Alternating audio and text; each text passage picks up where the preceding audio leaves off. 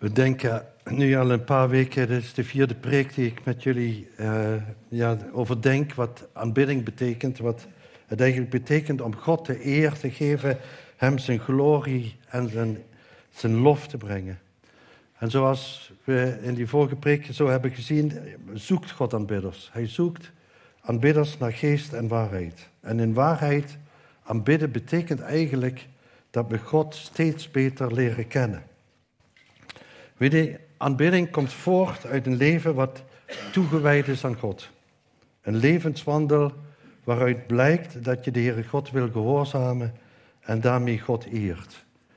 Dat je zegt tegen de Heere God, Heer, niet mijn wil, maar uw wil geschieden. En als we zo samen zingen en samenkomen op zondag, of dat je de Heere God thuis aanbidt, en dan verder je leven leidt in ongehoorzaamheid, dan ben je dubbelhartig, dan vind je een aanbidder te zijn en dat is geen ware aanbidding. De Heer Jezus die zegt in Matthäus 15, vers 8, dan citeert hij een tekst uit Jesaja, dan heeft hij een gesprek met de fariseërs en dan zegt hij dat je God kunt naderen met je mond en met je lippen en toch je hart verre van hem kunt houden. Echte aanbidding komt voort uit een geheiligd leven. En muziek en woorden en knielen en neerwerpen en gedichten schrijven, een schilderij maken, dansen, liederen maken, zingen, is een expressie, een uitdrukking. Een, dat is een uitdrukking om aanbidding echt in je leven vorm te geven. En om in waarheid God te aanbidden, is het heel erg belangrijk wie we aanbidden. En hoe dieper je God leert kennen, hoe dieper die gehoorzaam zal zijn, hoe dieper je in waarheid en in geest de Heer God kunt naderen. En ik wil in deze preek met jullie nadenken over heiligheid. Over de de, dat God een heilig God is. En, uh, en ook uh, dan verderop met u nadenken wat de reactie is van mensen, die uh, broeders en zusters, die met die heiligheid en die heerlijkheid van God in aanraking komen. En uiteindelijk uh, is het zo bijzonder dat ik de dienst, uh, zeg maar, dat het uiteindelijk zal je zien dat aanbidding, echt die diepe, ware aanbidding van God in geest en waarheid te aanbidden, dat dat in een diepe genezing gaat geven in hart, ziel en lichaam. En uh, daarover wil ik met jullie heel graag nadenken. Ik heb twee uitgangsteksten. De eerste tekst was Leviticus 20, vers 26. Die zegt, u moet heilig voor mij zijn. Dat is iets wat God tegen Israël zegt als hij het volk geroepen heeft en dan uh, hij uh, ze van Egypte brengt naar het beloofde land door de woestijn heen. En soms vragen mensen zich wel eens af, wat moeten die boeken Leviticus nu allemaal? Er worden allerlei bloederige offers gebracht, er worden geboden gegeven, er worden verboden gegeven. Wat betekent dat nu eigenlijk? En dit heeft alles te maken met dat God een heilig God is. Want de, Heere God zegt, u moet heilig voor me zijn, want ik, de Heere, ben heilig. Ik heb u van de, van de volken afgezonderd om van mij te zijn. De heiligheid van God, daar zal ik zo dadelijk op ingaan. Wat betekent dat nu eigenlijk? En wat betekent nu dat hij een volk heeft afgezonderd, dat Israël is afgezonderd om van daaruit de Messias geboren te laten worden? Maar dan zie je eigenlijk in Petrus, daar wordt deze, deze oproep nog eens gedaan. Dan zijn de heidenen zijn tot geloof gekomen, de gemeente is gevormd. En 1 Petrus 1, vers 15 en 16 zegt, maar zoals hij die u geroepen heeft heilig is, Word zo ook zelf heilig in heel uw levenswandel, want er staat geschreven, wees heilig, want ik ben heilig. Vader, we willen zo u bidden, hoe kunnen we iets van die heiligheid van u overbrengen? Hoe kunnen we iets van die heerlijkheid van u overbrengen? Van die schoonheid, dat is gewoon, ja, gewoon niet mogelijk met woorden die een preek vormen en dan, Heere God, proberen duidelijk te maken wat het betekent om dat wij een heilige God aanbidden. En dat u ons ook als volk heeft afgezonderd. Dat wij een heilig volk zijn. En we willen u bidden dat u zelf ons nadert en iets laat proeven. Door de preken heen, door eh, de teksten heen, door uw woord, wat we veelvuldig zullen openen vandaag. Dat u zichzelf openbaart. En dat we echt uh, ons verwonderen. Diep verwonderen over de heilige God die we mogen naderen, omdat we zelf geheiligd zijn in het offer van uw zoon, om zo u te aanbidden. Heer, wil u ons genadig zijn, dat u in uw barmachtigheid uw heiligheid laat zien. In Jezus' naam, amen. Ik wil eigenlijk beginnen met een vraag. Die kun je zelf eigenlijk, eh, niet dat je meteen kunt opstaan en het antwoord geeft, maar toch is het gewoon heel goed om eens na te denken van wat, wat roept het in eerste instantie bij je op, het woord heilig. Wat denk je daaraan? Ik zou heel graag een flupsart hebben en dan dan zou ik kunnen roepen. En, uh, maar ik, uh, wat betekent dat eigenlijk, heilig? En uh, wat betekent het eigenlijk dat wij in een heilige levenswandel geroepen zijn? Zou een heilige levenswandel nu te maken hebben met je juiste morele en ethische en juiste besluiten die je neemt en je daarop handelt? Of heeft heiligheid te maken met een muziekkeuze? Of heeft heiligheid te maken eh, met seksuele reinheid. Of de juiste kleding. Of naar de juiste films kijken. Of eh, het eerbied voor God. Meestal wordt, eh, als je zo'n vraag stelt, wordt het ook vaak, wat betekent heiligheid voor jou? En dat God een heilig God is, wordt ook vaak gezegd, hij is zonder zonde. En hoewel het allemaal zijn waarde heeft en ook een gevolg is van heilig leven, is dit niet heiligheid. Dat zijn gevolgen van heiligheid. En over, om over heiligheid en onze heiligheid en onze heilige levenswandel na te denken en dat ook in verbinding te brengen met aanbidding, is het heel belangrijk om die diepere betekenis te doorgronden en moeten we teruggaan naar de heiligheid van God. Dat is zeg maar de oorsprong en dat is waar alle heiligheid van, van, je ziet in de Bijbel heilige voorwerpen, je ziet dat wij een heilig volk zijn. En dat is allemaal afgeleid. Dat zijn afgeleiden van dat God een heilig God is. En als je verstand en je hart gegrepen wordt door die schoonheid van zijn heiligheid, dan pas heb je eigenlijk een goed fundament en motivatie die als leidraad volgt voor een heilig leven, voor een heilige levenswandel.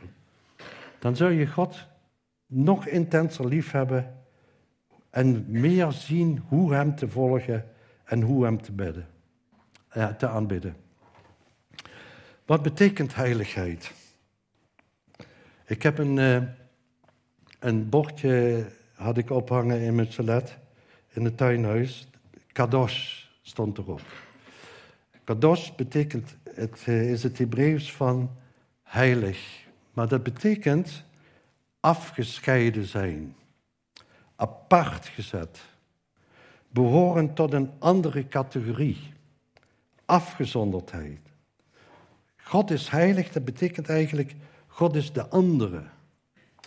Hij stijgt boven alle dingen en mensen uit. Hij is afgescheiden van alles wat niet God is. Hij staat op zichzelf en hij is met niets en niemand te vergelijken. Hij is de enige in zijn categorie. God is ook moreel afgescheiden en afgezonderd. Hij is zuiver en nooit enige morele vervuiling is er in hem te vinden. Enige zonde in gedachten of in daden in hem. Hij is oneindig afgezonderd van alles wat geschapen is. Hij is de heilige, geen onderdeel van de schepping en niet vervuild met zonde. Paul Wasser, een bekende prediker, die schrijft over de heiligheid het volgende. Heiligheid is de superieure eigenschap van God. Elke goddelijke eigenschap die we kunnen bestuderen, is simpelweg een uiting van zijn heiligheid. In die zin dat het aantoont dat hij apart staat van zijn schepping, volkomen afgescheiden is en een compleet ander wezen. Hij is de ongeschapen schepper.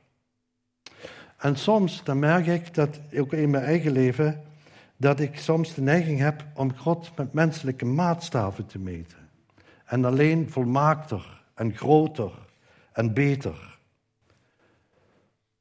Maar God is een totaal ander wezen. Hij is niet geschapen. Hij heeft alles gemaakt en hij onderhoudt alles. En deze God, die totaal anders is als mensen, is niet ver van mensen. Ik vond het indrukwekkend dat er staat in Hosea 11, vers 9: Ik ben God en geen mens, heilig in uw midden.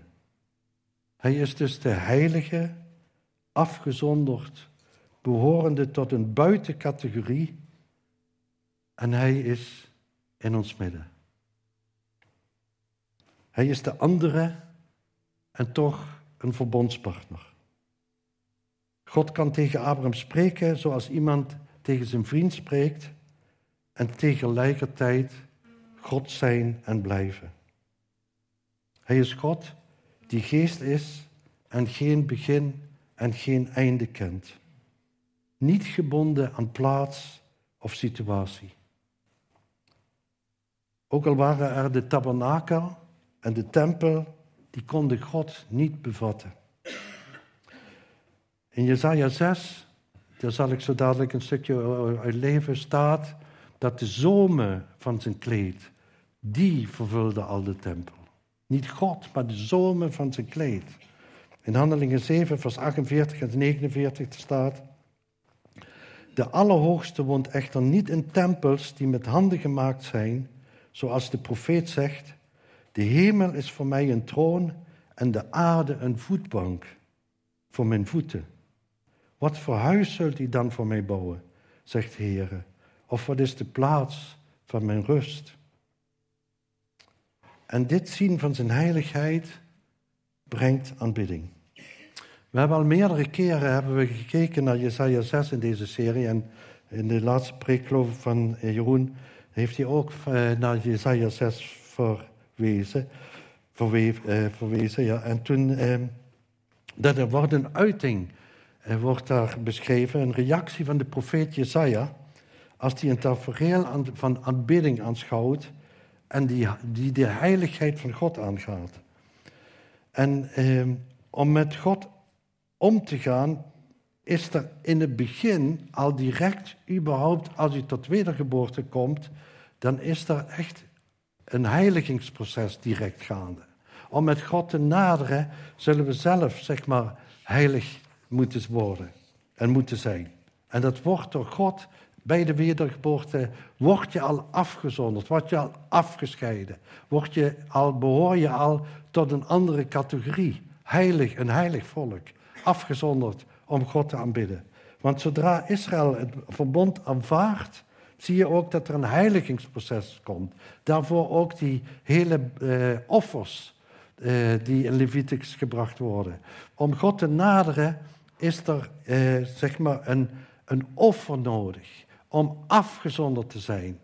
Eh, vanaf onze wedergeboorte vindt dat eigenlijk plaats. Dat je apart gezet bent en afgezonderd. En je ziet het niet alleen in Israël, maar ook in ons leven, dat het zowel een, niet alleen een godsdienstige, maar ook een sociale en politieke, in het politieke leven zie je dat het in Israël eh, vorm krijgt. Een hele leven valt eronder van die afzondering. En in de praktijk heeft Israël het heel vaak laten afweten. Als het gaat over die heiliging. Om afgezonderd te zijn en tot die aparte categorie te horen. Maar laat ik er meteen bij noemen, ook de gemeente van Jezus Christus. Ook in onze dagen is het zo dat eh, er niet veel van terechtgebracht wordt. Om een apart gezet, heilig volk te zijn. En toch is het wat God door Christus heen in ons ziet. Er is een voortdurende onreinheid en onheiligheid, maar Jezaja voelt dat ook heel diep. Hij verwoordt dat op het moment dat hij met die heiligheid van God in aanraking komt.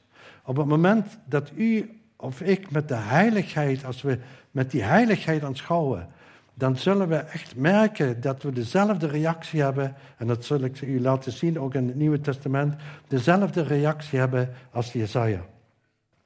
Als ik geroepen word, dan staat er, ik lees met u die teksten, eh, ik wil de Bijbel veel laten spreken vanmorgen, eh, om iets te laten zien van die heiligheid. En in Jesaja 6, vers 1 tot met 7, daar staat een prachtig tafereel. In het jaar dat koning Uzziah stierf, zegt Jezaja. Uzziah was een hele bijzondere koning. En dat, eh, in dat jaar dat hij stierf, toen was er iets wat hem veel meer trof. Wat hem veel meer eigenlijk. Het sterven van die koning was, was heel ingrijpend. Maar wat hij daarna in dat jaar zag, dat was een ontzettend tafereel. Hij mocht een inkijk krijgen in de hemel en daar staat er, en ik zag de Heer zitten op een hoge en verheven troon. En de zomen van zijn gewaad vulden de tempel. Serafs, dat zijn vurige wezens, stonden boven hem. Ieder had zes vleugels. Met twee bedekte ieder zijn gezicht. Alhoewel dit heilige wezens zijn, die eh, zonder zonde zijn, is het toch dat ze zich in de aanwezigheid van God bedekken en hun gezicht bedekken. Zo overweldigend is de heiligheid. Ze bedekten hun voeten en met twee vlogen zij. En de een riep tot de ander: Heilig, heilig, heilig. Dat is de meest overtreffende trap in het Hebreeuws. Als je drie keer hetzelfde woord. Boven dat is niets meer uit te drukken. Heilig, heilig, heilig is de Heer van de legermachten. Heel de aarde is vol van zijn heerlijkheid. De teurpennen en de drempels schudden door, het, door de stem van hem die riep. En het huis vulde zich met rook. En dan gebeurt er iets. Als Jezaja met die heiligheid in aanraking komt, dan, zei, dan staat daar, toen zei ik, wee mij, want ik verga. Die heiligheid om in die heiligheid te vertoeven, in die heiligheid te komen. Laat, laat zien, is een spiegel, is een, ja, een, een, een spiegel voor hem van ik ben immers een man van onreine lippen en woon te midden van een volk met onreine lippen. En dan zegt hij, mijn ogen hebben namelijk de koning, de heren van de legermachten gezien. Maar een van de serafs vloog naar hem toe, want er moet iets gebeuren. Om in die aanwezigheid van God te zijn, moet er iets gebeuren. En die seraf vloog vloog naar mij toe en hij had een gloeiende kool in zijn hand, die hij met een tang van het altaar had genomen. En daarmee raakte hij mijn mond aan en zei, zie, deze heeft uw leppen aangeraakt, zo is uw misdaad van u geweken en uw zonde verzoend. Je ziet in dit tafereel, de tempel kan God niet bevatten. Hoe kan Jezaja God zien en in leven blijven? Heilig, heilig is de Heer der legermachten. De hele heiligheid is het thema van het boek Jezaja. En in het boek wordt ook, Jezus, eh, dat wordt ook eh, God de heilige van Israël genoemd. De heilige God, totaal een andere categorie, verbindt zich toch met het volk. En die heerlijkheid van God gaat hier samen met zijn heiligheid. Gods heerlijkheid is in openbaring van zijn heiligheid en zijn macht. Maar in deze confrontatie met deze heiligheid en heerlijkheid beseft Jezaja op een pijnlijke wijze dat hij onrein is. Wee, ik verga. En dan zegt hij, ik ben immers een man van onreine lippen en woon te midden van een volk van onreine lippen. Die, dat contrast om in die heiligheid te komen en dan dat te mogen aanschouwen, dat tafereel. En uiteindelijk, zoals ik in de vorige preek heb uitgelegd, ziet hij daar Jezus, zegt Johannes. Dan ziet hij die heilige. En dan zegt hij, oh, ik ben onrein. Het is zo opvallend dat Jesaja eigenlijk noemt niet, ik ben onrein van hart. Ik weet niet of je dat je opvalt, dat zou ik eigenlijk in eerste instantie zeggen. Ik ben onrein van hart. Maar wat uit het hart voortkomt, noemt hij. Hij noemt, ik ben onrein van lippen. In Matthäus 15, vers 11 en 19 zegt de Heer Jezus, wat uit de mond uitkomt, verontreinigt de mens. Of in andere gedeelte in vers 19, maar de dingen die uit de mond komen, eh, komen voort uit het hart en verontreinigen de mens. Want uit het hart komt kwaadaardige overwegingen, moord, overspel, ontucht, diefstal en dan noemt hij valse getuigenissen, lastering. En God eh, wil geen onreinheid in zijn nabijheid. Daarom moet er verzoening plaatsvinden. En eh, neemt een van die serafs een kool van het altaar. Bijzonder is dat dat kan het brandofferaltaar zijn of een reukofferaltaar. Maar dan wordt in ieder geval een vurige kool genomen en daar wordt, die lippen worden daarmee gereinigd. En dat is een directe verwijzing naar het offer van Jezus Christus om ons te verzoenen. De lippen worden en de mond worden aangeraakt. En zoals ik al zei, waarom de lippen? Ik denk dat we meest zondigen met onze woorden. Dat we meest zondigen met onze mond. Ik werd erg geraakt door datgene wat Jacobus erover schrijft. Jacobus 3, vers 5 tot met 10. Hij zegt, zo is ook de tong een klein lichaamsdeel en roemt toch van grote dingen. Zie eens hoe een klein vuur een grote hoop hout aansteekt. Ook de tong is een vuur, een wereld van ongerechtigheid. Zo staat het met de tong onder onze lichaamsdelen. Ze besmet het hele lichaam en zet onze levensloop vanaf het begin in vlam. En ze wordt zelf door de hel in vlam gezet. Want welke, elke natuur, zowel van de wilde dieren en vogels als van kruipende dieren en zeedieren, worden getemd en is getemd door de menselijke natuur. Maar de tong kan geen mens temmen. Ze is in niet te bedwingen kwaad, vol dodelijk vergif. Door haar loven wij God en de Vader en door haar vervloeken wij de mensen die naar de gelijkenis van God gemaakt zijn. Uit dezelfde mond komen zegen en vervloeking voort. Dit hoort niet zo te zijn, mijn broeders.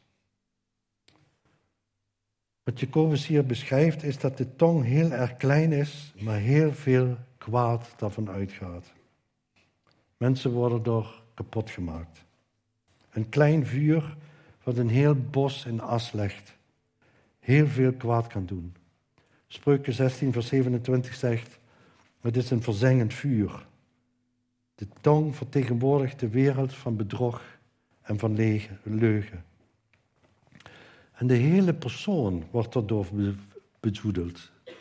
Als je dit in combinatie brengt met Jesaja 6, begrijp je waarom er een vurige kool genomen wordt om die op de lippen te zeggen. En dat hij zegt, wij zijn een volk van onrein van lippen. En het meest wat erg ingrijpend is, dat is dat, en zeer zorgwekkend, er staat, eh, de uitspraak wordt door de hel in vlam gezet. Weet je, dit wil zeggen dat de geest van de leugen en de demonen, eh, die boosheid van demonen, door die tong gaat werken. De mens is een diersoort, er staat daar in dat gedeelte, is in staat alle diersoorten te temmen, maar is niet bemachtigd dit kleine lid van zijn lichaam, de tong, te temmen.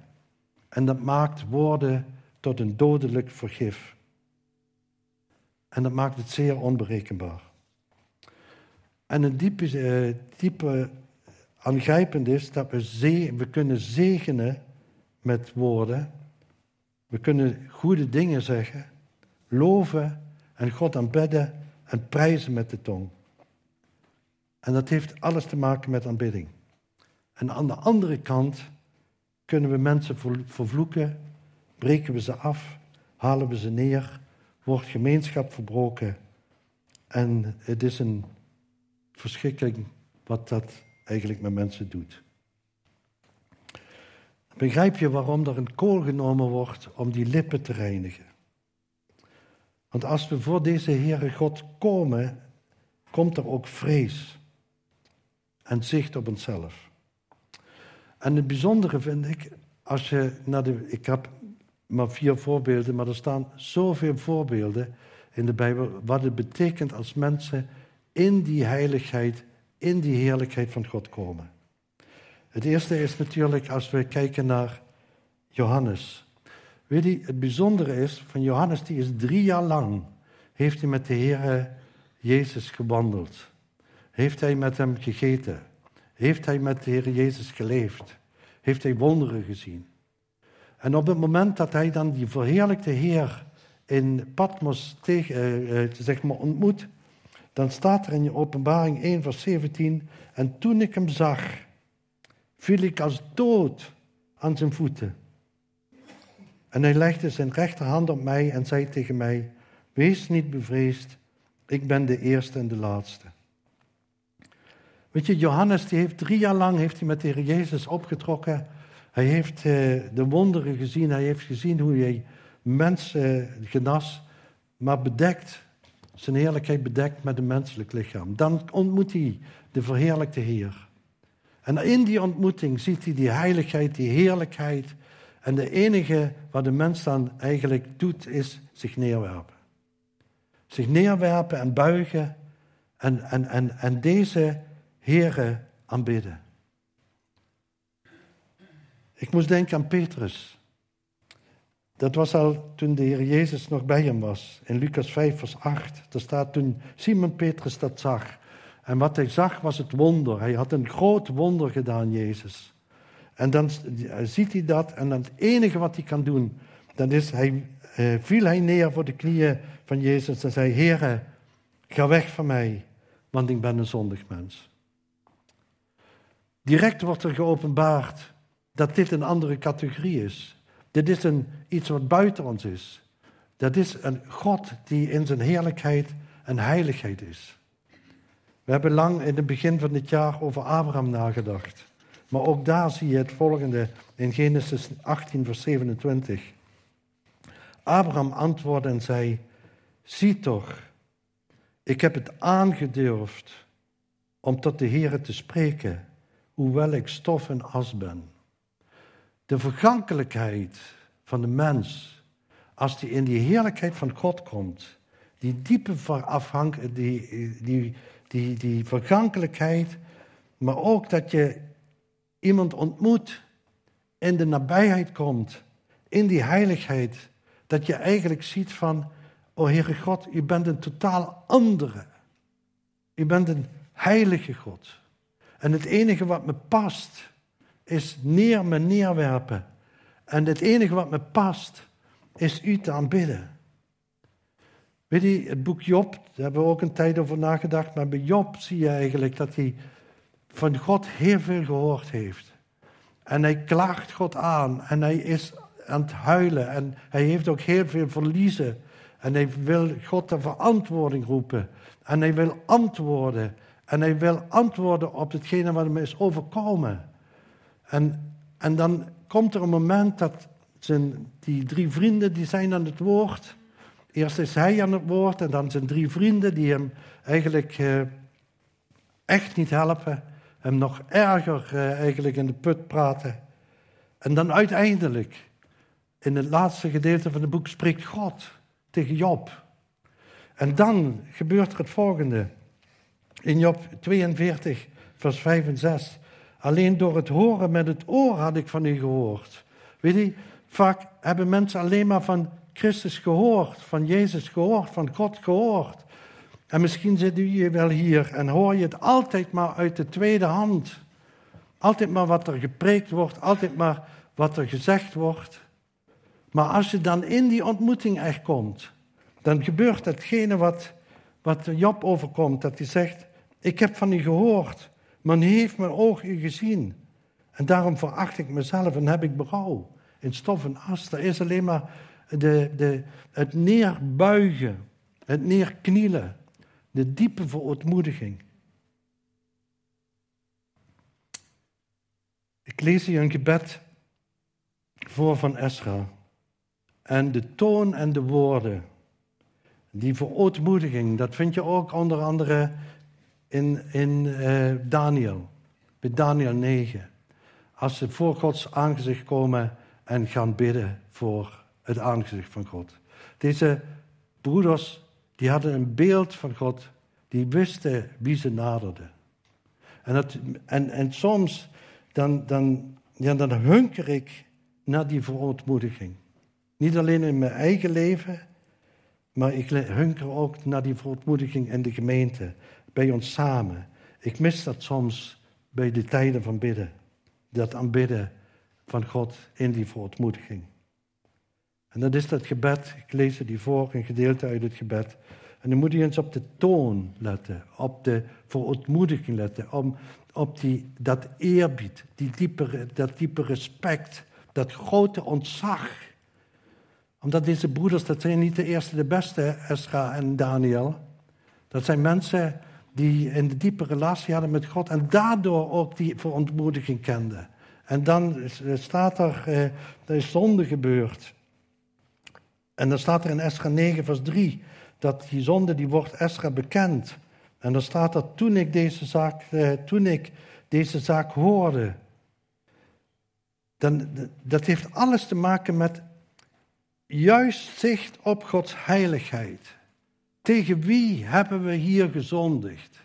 Tegen de heilige, tegen de buitencategorie, tegen de andere die toch in ons midden is. En dan staat er, scheurde ik mijn kleed en mijn mantel en ik trok haar van mijn hoofd en uit mijn baard. En ik ging ontzet zitten. We hebben het hier niet over een zonde die hij zelf heeft gedaan. Dat is een zonde die het volk heeft gedaan. Maar dan gaat hij daar zitten. Hij is ontzet. Alle die beefden voor, het woord, voor de woorden van God van Israël. Dit is ook zo'n uitdrukking. Hoe hoog is Gods woord in ons leven? Wat heeft Gods woord voor een waarde en voor een autoriteit in ons leven? Want hier zie je dat ze beefden voor de woorden van God, van Israël. Verzamelden zich bij, bij mij vanwege de trouwweek van de ballingen. En ik bleef ontzet zitten tot tot het avondoffer. Tegen het avondoffer stond ik op uit mijn verontmoediging waarbij ik mijn kleed en mijn mantel had gescheurd. En ik boog mij op mijn knieën en spreidde mijn handen uit tot de Heere, mijn God. Ik zei, mijn God, ik ben te zeer beschaamd en te schande geworden om mijn gezicht tot u op te heffen, mijn God. Want onze ongerechtigheden zijn talrijk geworden tot boven ons hoofd. En onze schuld is groot geworden tot aan de hemel. Vanaf de dagen van onze vaderen zijn wij in grote schuld tot op deze dag. En door onze ongerechtigheden zijn we overgegeven, wij, onze koningen en onze priesters, in de hand van de koningen van de landen rondom, aan het zwaard, aan de gevangenschap en aan plunderingen een openlijke schande, zoals op deze dag. En nu? En nu? Was er voor een klein ogenblik genade van de Heer, onze God, om ons gelegenheid tot ontkoming te laten en om ons vastheid te geven in zijn heilige plaats, om onze ogen te verlichten, onze God, en onze enige opleving te geven in onze slavernij. Dan gaat het me over de toon. Die diepe verontmoediging. Dat zicht op de heiligheid van God. Op zijn heerlijkheid. En wat dat in een mens teweeg brengt als er, als er zonde in zijn leven is of zonde ziet. De zonde van zijn volk. Daniel heeft die zonde niet gedaan die hij beleeft en beleidt. En ook Esra niet. Maar zo te komen voor Gods aangezicht en zeggen: Heere God, wij hebben gezondigd. Wij hebben gezondigd. We hebben tegen die heiligheid van u gezondigd. En waartoe leidt dat dan? Waartoe leidt dat? Ik vind het zo indrukwekkend als er echte verbrokenheid is en aanbidding is en verontmoediging. Dan zie je waartoe dat leidt. In Jesaja 57, vers 15 is zo'n ontroerende tekst. Dat de Heer God zegt, want zo zegt de hoge en verhevene, die in eeuwigheid woont en wiens naam heilig is. Ik woon in de hoge hemel en in het heilige. En, en, bij de verbrijzelde en nederige van geest. Om levend te maken de geest van de nederige. Om levend te maken het hart van de verbrijzelde. God woont boven plaats en tijd. Er kan geen tempel kan hem bevatten. Geen tabernakel kan hem bevatten. En dan zie je dat hij komt bij de verontmoedigen om bij jou, bij ons te wonen. Dat is natuurlijk een tekst die direct slaat in eerste instantie op Israël. Maar we mogen dat zeker in ons leven toepassen. Dat we ons mogen verontmoedigen. En waartoe leidt dat dan? Dat God komt in zijn Zoon Jezus Christus om je leven te maken. Psalm 147, vers 3 zegt, hij geneest de gebrokenen van hart. Hij verbindt hen in hun leed. Maar het heeft alles te maken met het zicht op die heiligheid. Het zicht op Hem te naderen en te zeggen, Heere God, wie mij, maar U heeft me geheiligd in Uw Zoon Jezus Christus. Om de verbrokenen te genezen, om Uzelf daarin te verheerlijken. En dat brengt diepe aanbidding. U dit, die verootmoediging, dat brengt diepe aanbidding. En diepe aanbidding, dat brengt genezing. Dat brengt genezing in ons hart. Door die diepe gemeenschap met de Heilige. En ik wil heel erg graag vanmorgen, voordat we avondmaal vieren, met u echt stilstaan voor Gods aangezicht. En ook dat mensen, broeders en zusters, wil ik echt uitnodigen om in korte bewoording de Heere God echt in, in, die, in die ootmoed te aanbidden. En dat kunt u in stilte doen, maar ook hardop. Zodat wij zo samen als gemeente voor Gods aangezicht staan. En ik wil u uitnodigen om zo te gaan staan. En dan even in die stilte te komen. Zal ook wat heel zacht muziek gespeeld worden. Maar dan wil ik u echt ook uitnodigen, laten we gaan staan voor zijn aangezicht. En als u een, een gebed wilt uitspreken van verontmoediging of van aanbidding, en dat hoeven geen lange gebeden te zijn. Het is heel bijzonder als veel mensen bidden in die korte bewoording, om de Heere God echt zo samen te aanbidden en te naderen. En dan zal ik als laatste echt bidden en daarmee deze gebedstijd echt af te sluiten. Dat we zo echt grote vermoedigheid hebben.